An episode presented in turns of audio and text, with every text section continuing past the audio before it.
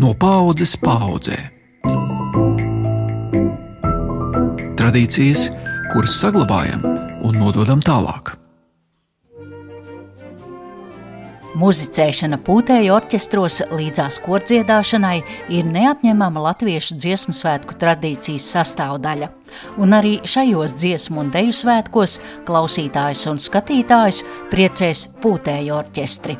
Gan tradicionālajā svētku dalībnieku gājienā, gan dievnamos, gan lielajā ģildē un 5. jūlijā lielkoncertā Andrejostā un mūziķu vidū būs divi kolektīvi, kurus turpmākajās minūtēs iepazīsim tuvāk. Ernsta Glika alūksnes valsts ģimnāzijas pūtēja orķestris un Madonas pūtēja orķestris. Ar viņiem saruna par patriotismu un skatuves kultūru, kopības sajūtu un muzicēšanas prieku.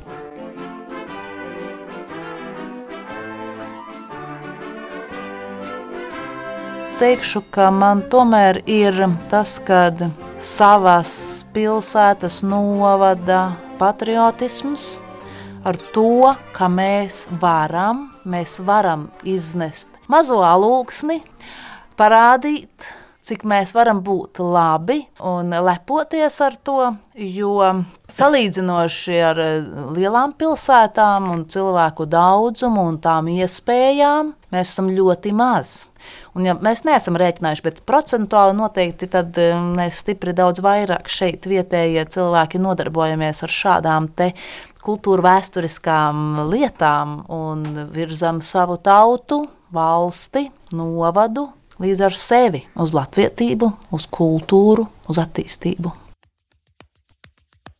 Tā lūgta pamatot savu izvēli darboties Ernsta Glika alūksnes valsts ģimnāzijas pūtēju orķestrī, teica defilē programmas vadītāja un horeogrāfe Ilze Līviņa.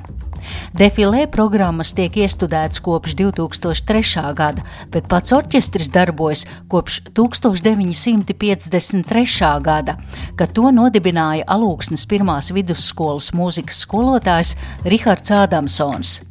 Tagadējie pedagogi savulaik izauguši Ādamsona vadītajā orķestrī un nu turpina skolot jauno paudzi šajā kolektīvā.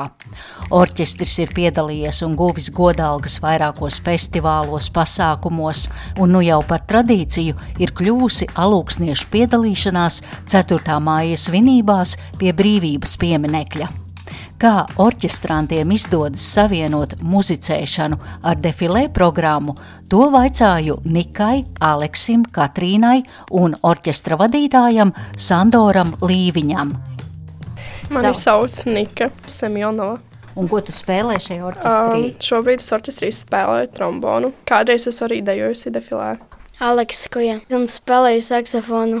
Un cik gadus tu spēlē jau? Divus gadus saksofonu. Kā tev veicas ar to, ka ir jāspēlē tas saksofons un arī ritmā pareizi jāiet? Man labi veicas. Bet grūti. grūti. Vieglāk spēlēt vai vieglāk staigāt? Es teiktu, ka spēlēt man. Vieglāk. Jā. Mani sauc Katrīna Leisa. Es arī spēlēju basģitāru. Jā, pūtēju orķestrī basģitāru. Jā.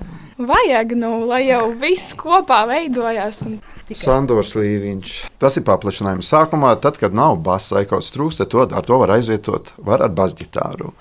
Nu, nu, Augustā mūzikas skolā ir spēcīga stīgu nodaļā. Nu, visas basģitāristes pamatā ir violnieces.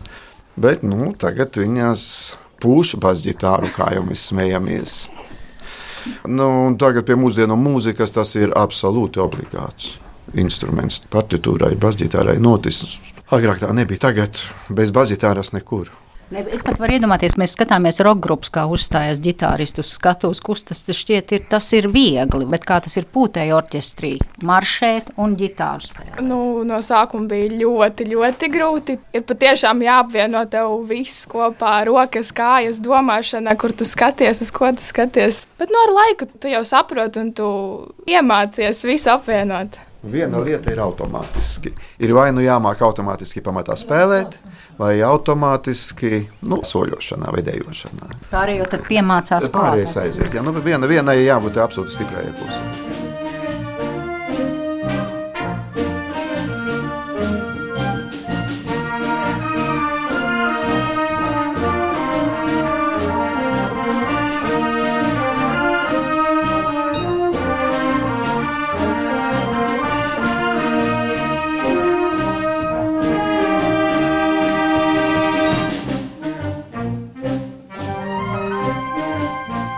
Kā notiek ritmiskā soļošana un muzicēšana vienlaikus, par to turpina defilē programmas vadītāja Ilze Līviņa. Sākotnējais eh, jau nosaukums šīm meitenēm ir mažoretkas, jo tas nāk no polijas. Bet nu, tā kā mēs latviskojam, tad tās ir defilē meitenes. Jā, šī kustība ļoti plaši attīstīta ir Polijā ar šīm meitenēm. Tur jāsaka, tā, ka tikpat daudz, cik orķestrantu, tik ir meiteņu. Līdz ar to ir tie zīmējumi, kas veidojās, ir ļoti bagātīgi, ļoti krāšņi. Mēs tik daudz nevaram, jo mums ir jāietilpst vienā autobusā. Un tādēļ nevar būt dejotāju vairāk kā spēlmaņu. Jo šeit ir tas, to, ko tikko arī Nika teica, ir pašiem jārada mūzika. Un, ja tā mūzika būs švaki radīta, būs klusi, būs e, nepilnvērtīgi, tad jau nekas arī nesanāks. Tad varēs kustēties kā paši dievi, bet tas neko nedos. Tad jābūt visam ļoti augstā līmenī. Jā, tā ir 20. gadsimta, kad mēs defilē programmas veidojam, un e, jā, visi grib e, patiešām salīdzinoši perfekti izpildīt, jo pašiem arī patīk, kad izskatās labi.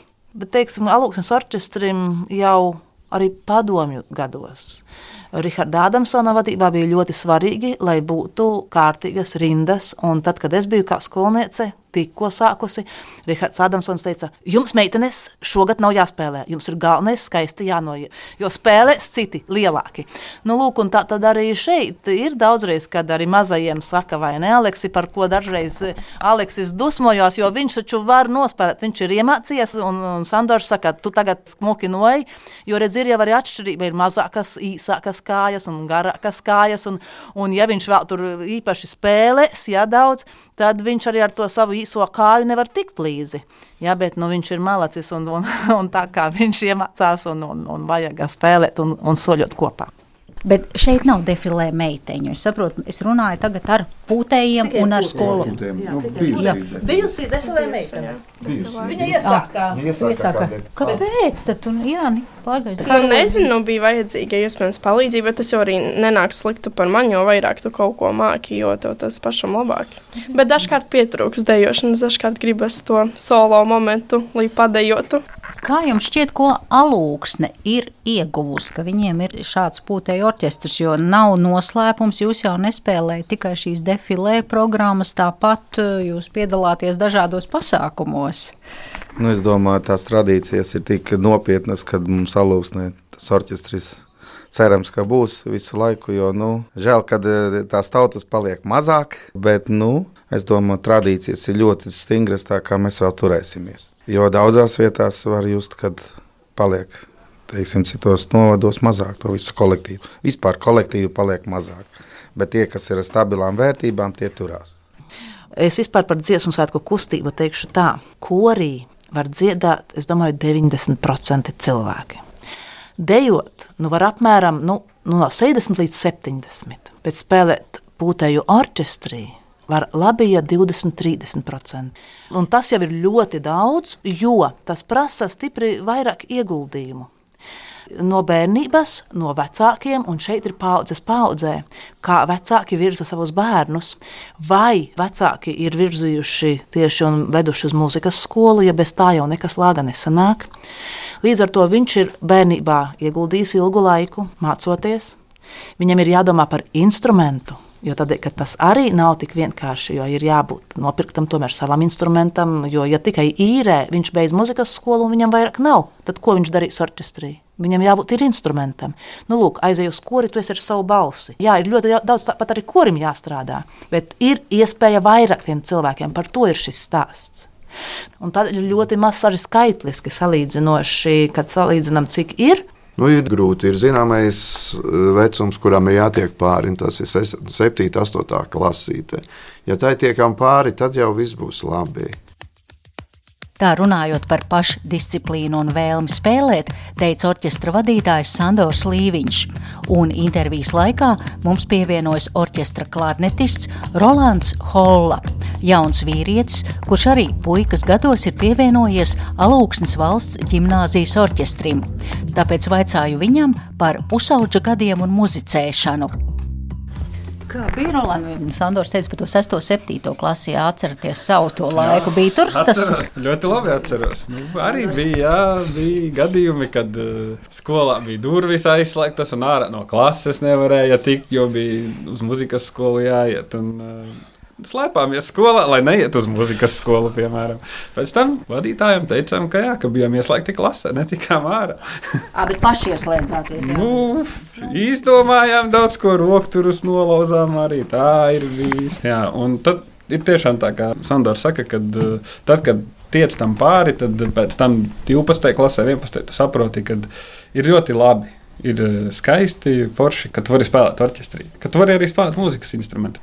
Kā jums ir? Jums, vai šobrīd varbūt ir tas posms, es nezinu, kurā klasē jūs esat? Nu, vai tiešām ar patikšanu mājās trenējaties to savu? Jā, bet tas nāk ar laiku. Kad tu esi mazāks, tur ir savādāka domāšana un uztvere, bet, tad, kad tu paudzies, tu sāc saprast, ka īstenībā tas ir ļoti fantastiski, ka tu kaut ko māki, to, ko nemāki citi.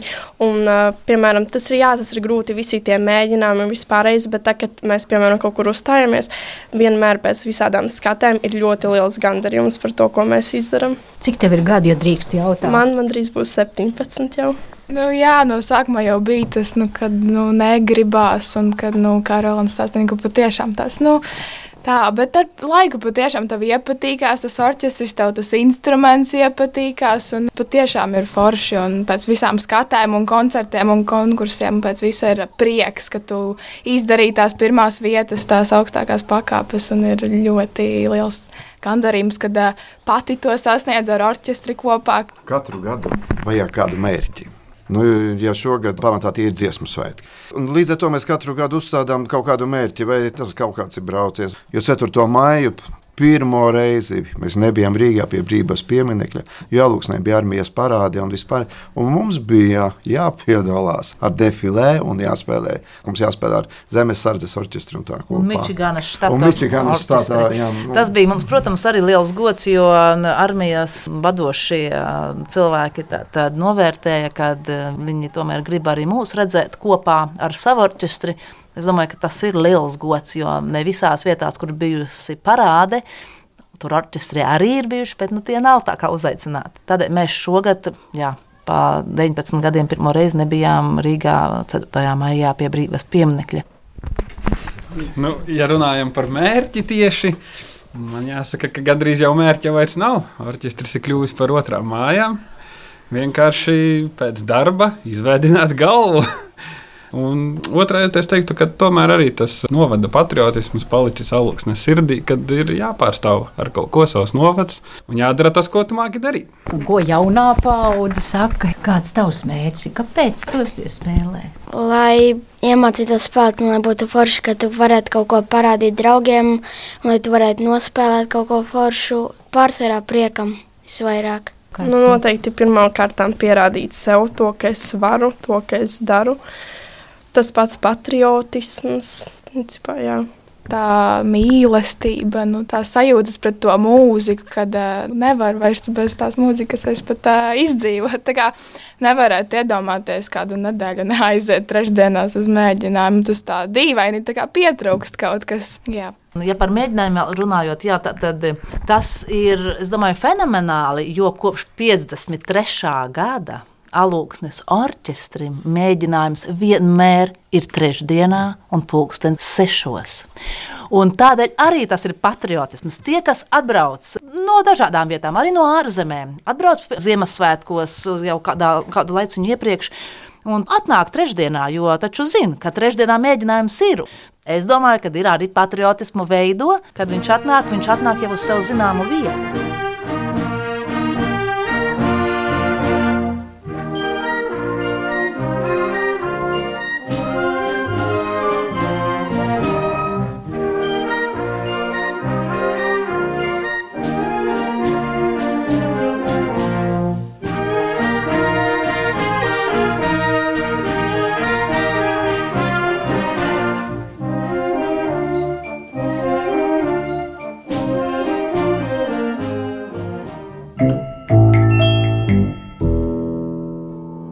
Tālu ieskats Ernsta Glika Alūksnes valsts ģimnāzijas pūtēju orķestrī, bet nu ir laiks iepazīt šī gada pūtēju orķestru skatis uzvarētājus, Madonas kultūras nama pūtēju orķestri, ko vada Andrēs Cepītis, kurš arī ir Dienvidu vidzemes pūtēju orķestru virsdiriģents un šī gada dziesmu svētku pūtēju orķestru lielkoncerta virsdiriģents.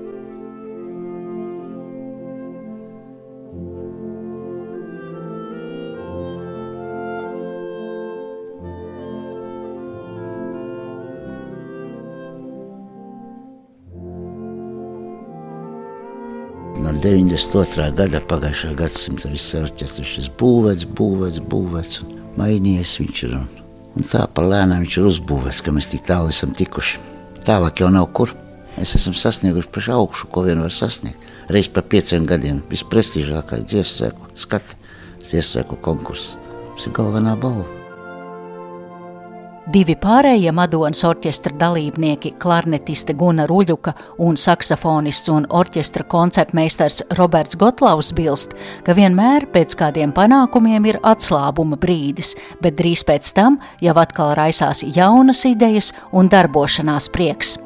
Taujāti par sajūtām pēc uzvaras pūtēju orķestra skatē, Guna un Roberts teica, ka jūtas labi par nopelnīto atzinību gandarīti, gandarīti un lepni par paveikto. Jā, pagodinājums, kad uh, mums izdevās. Mēs uh, izdarījām principā to, ko mēs varējām. Mēs nenospēlējām sliktāk nekā mēs varam. Mēs nospēlējām ļoti, ļoti labi. Un to novērtēju, un par to mēs esam ļoti priecīgi. Bet kā kolektīvs mēs esam ļoti spēcīga vienība, un mēs izbaudām kompāniju viens otru, un mums patīk spēlēt kopā. Mēs kā amatieru kolektīvs tas jau nenāk tā tik viegli, kad mēs vienkārši atnāksim vienu nedēļu, samēģināsim, un tad otru dienu iesim spēlēt konkursā, un tad viss tā izdosies. Šeit tomēr lielākā daļa mūziķi ir, ir kas ir beiguši mūzikas skolu, ir kas pat nav mūzikas skolu beiguši, ir tādi, kas ir kaut kur tālāk mācījušies. Bet absolūti lielākā daļa ir tādi, kam spēlēšana ir tikai hobijs. Un tu to instrumentu paņem vienreiz nedēļā, kad atbrauc uz orķestri Protams, pēdējos mēnešos mums mēģinājumi bija krietni biežāk. Katru mīļu brīdi, kad varējām, mēs nācām kopā un mēģinājām. Un, uh, es domāju, ka uh, cilvēki jau šeit nāk ar prieku. Tas ir viņa brīvās laika pavadīšanas veids. Brīvdienas tāpat visiem ir tik, cik ir. Un, ja tu vari atļauties sev nu, jau pēdējās nedēļas, pat abas divas, gan sestdienu, gan svētdienu, ziedot mēģinājumiem, tas jau ir ļoti liels novērtējums jau no pašiem mūziķiem, ka viņi nāk un dara, un tad arī kaut kas notiekās. Visi studenti studē Rīgā. Tas man liekas, cik vismaz puse no orķestra dalībniekiem ir studenti, kas studē Rīgā un tad brauc piekdienas vakarā uz Madonu, kur notikums ir sestdienā. Nu, tipiski mēģinājumi sestdienā nāk nākt uh, uz mēģinājumu, tad to dienu pavadu šeit muzicējot, tad vēl vienu dienu ar ģimeni, un tad brauc atpakaļ 200 km uz Rīgu. Ir jau vēl ģimenes cilvēki, kuri brauc uh, ar savu sievu un bērniem, un viņi atbrauc šeit uz Madonu. Viens, kas spēlē orķestrī, nāk uz orķestri, pārējie tikmēr ir varbūt pie vecākiem laukos vai, vai pavada laiku ar, ar, ar paplašināto ģimeni. Bet, nu, tā ir tā vajadzība spēlēt un būt kopā ar saviem cilvēkiem. Tagad varēsiet pateikt, varbūt es kļūdos. Dziesmu svētks, tad šķiet pirmā plāna tās lomas, tie galvenie aktieri ir koristi, tad tās otrā plāna lomas tie ir dejotāji. Un kā jums šķiet, kur redzat jūs sevi kā pūtēju orķestra dalībnieki? Mēs esam krāsai un jautrībai. Pagājušajā gadā patiesībā to ļoti labi raksturoja Raimons Pauls. Dziesmu svētku ieskaņas koncertos viņš tā arī bija minējis, kad atnāk pūtēju orķestri Tur vienmēr ir jautrība, tā ir dzīvība, tas ir dzīvesprieks, ko ienes nu, šīs putēju skaņas. Un varbūt tā arī ir. Mēs esam šī dažādība, un tas, ko nevar dabūt ne dejotāji, ne dziedātāji. Mēs esam viņiem arī vajadzīgi. Ir pareizi. Galvenie vienmēr dziesmu sēkos bija un būs kori. Tāpēc tas ir dziesmu svētki. Dejotāji ir otri, galvenais ir kori meža parka estrādē. Tas vēsturiski bijis no laika gala orķestri parādījušies, pazuduši. Bet tagad jau pēdējos svētkus, no kāda 70. gada apmēram, ir pūtie orķestri. Visu laiku apritē. Un es domāju, ka tāds viss ir gājis tikai, tikai uz augšu, un tikai mākslinieki augstvērtīgāk. Tā kā sava loma ir orķestrim.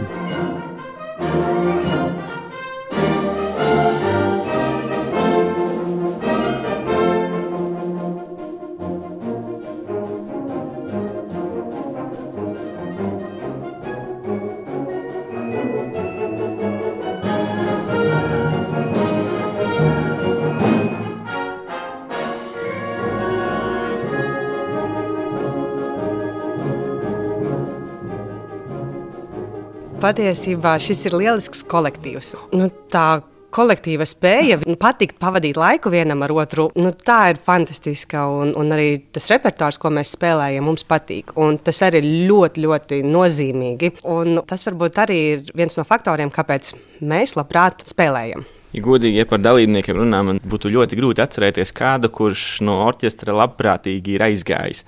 Pārsvarā visi, kas šobrīd nespēlē, nespēlē apstākļu pēc. Viņam nevar izbraukt no Rīgas, sestdienās jāstrādā, vai tur ģimenes pieaugums. Tādi, kas ir spēlējuši, izdomā, ah, nē, man apnika, un es vairs negribu, ir nu, nu ļoti maz. Un ir arī tādi, kas ir spēlējuši, tad kādu brīdi, teiksim, ir bijusi pauze. Tad ir dzīve sakārtojusies citādāk, un tad izdomājuši, ka, oh, jā, ir atkal laiks, ir iespējas, var nākt un ar prieku atgriežas un spēlē orķestrī. Mēs viņus ar prieku gaidām vienmēr. Bet par to repertuāru runājot, mums īstenībā ir ļoti izcils kolektīva vadītājs.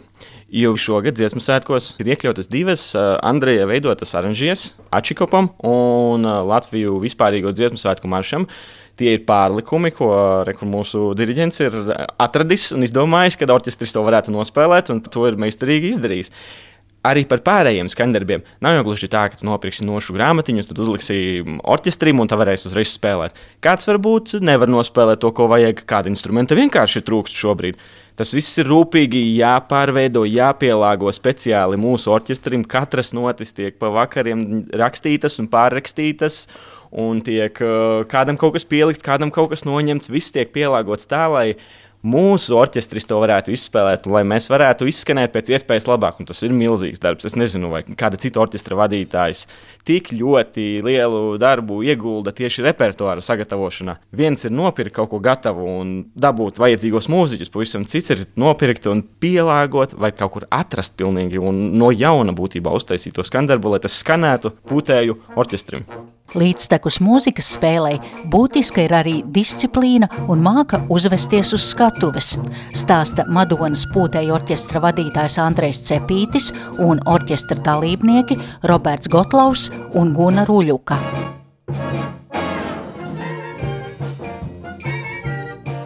Orķestram ļoti svarīga iekšējā disciplīna. Diriģents viens pats nevar, un arī koncertmeistars, un arī orķestra prezidents viens nevar neko izdarīt. Tāpat kā sportā kā hokeja ģērbtuve. Tāpat šeit ir tas iekšējais klimats, kā viens otru uzmundrina. Kādreiz arī pasakā kaut ko varbūt nepatīkamāku.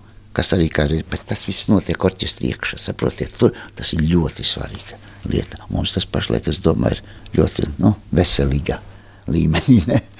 Nu, kā piemēram, daudzi mūziķi no orķestra ir sakot, izauguši jau orķestrī. Viņi atnāk pirmo reizi, sāk spēlēt, viņas ir nu, 12, 13 gadu vecumā. Nu, ko tu 13 gadu vecumā zini, kā ir uzvesties orķestrī un kā ir uzvesties uz skatuves? Tev vajag kādu, kurš tev pasaka, ka zeķēm ir jābūt melnām un virspotītas. Tev ir jābūt kādam, kurš pasaka ar baltām kurpēm uz skatuves, tu nekāpsi. Un no visādiem šādiem sīkumiem arī tā skatuves tēls arī salasās. Mēs kā uznākam uz skatuves, kaut vai reizē piecelties un reizē apsēsties. Tas mūsu orķestrim izdodas labāk nekā jebkuram orķestrim Latvijā. Un, uh, to mēs esam vienkārši iemācījušies, un to mēs nododam arī jaunajiem mūziķiem, kas nāk. Un es ceru, ka tie mūziķi, kas aiziet tālāk pasaulē, viņi zina, kā uzvesties. Kas būtu skatuves, ir gods, tur ir jāuzvedas kārtīgi. Kā visādi jau var skatīties, Jā, tie ir sīkumi, bet tieši tas, ko Roberts teica, ja kādam arī aizmirsušās zeķes, ir bijis arī tā, ka kāds aizdod savas Bet ar piebildi, es vilkšu savas jaunās koncerta zeķes, bet tu vari vilkt manējās. Es jau dienu staigāju, bet tās ir vismaz virs potītes.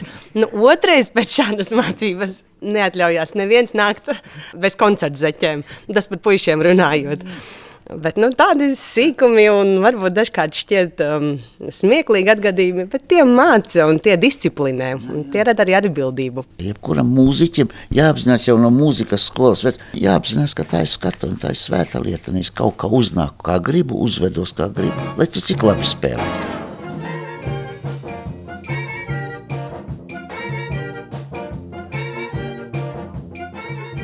Tas bija ieskats divos patriotiskos, pašapziņas un muzicēšanas prieka un lepnuma pilnos pūtēju orķestros. Raidījumā skanēja fragmenti no Madonas kultūras nama pūtēju orķestra un Ernsta Glika valsts ģimnāzijas pūtēju orķestra repertuāra.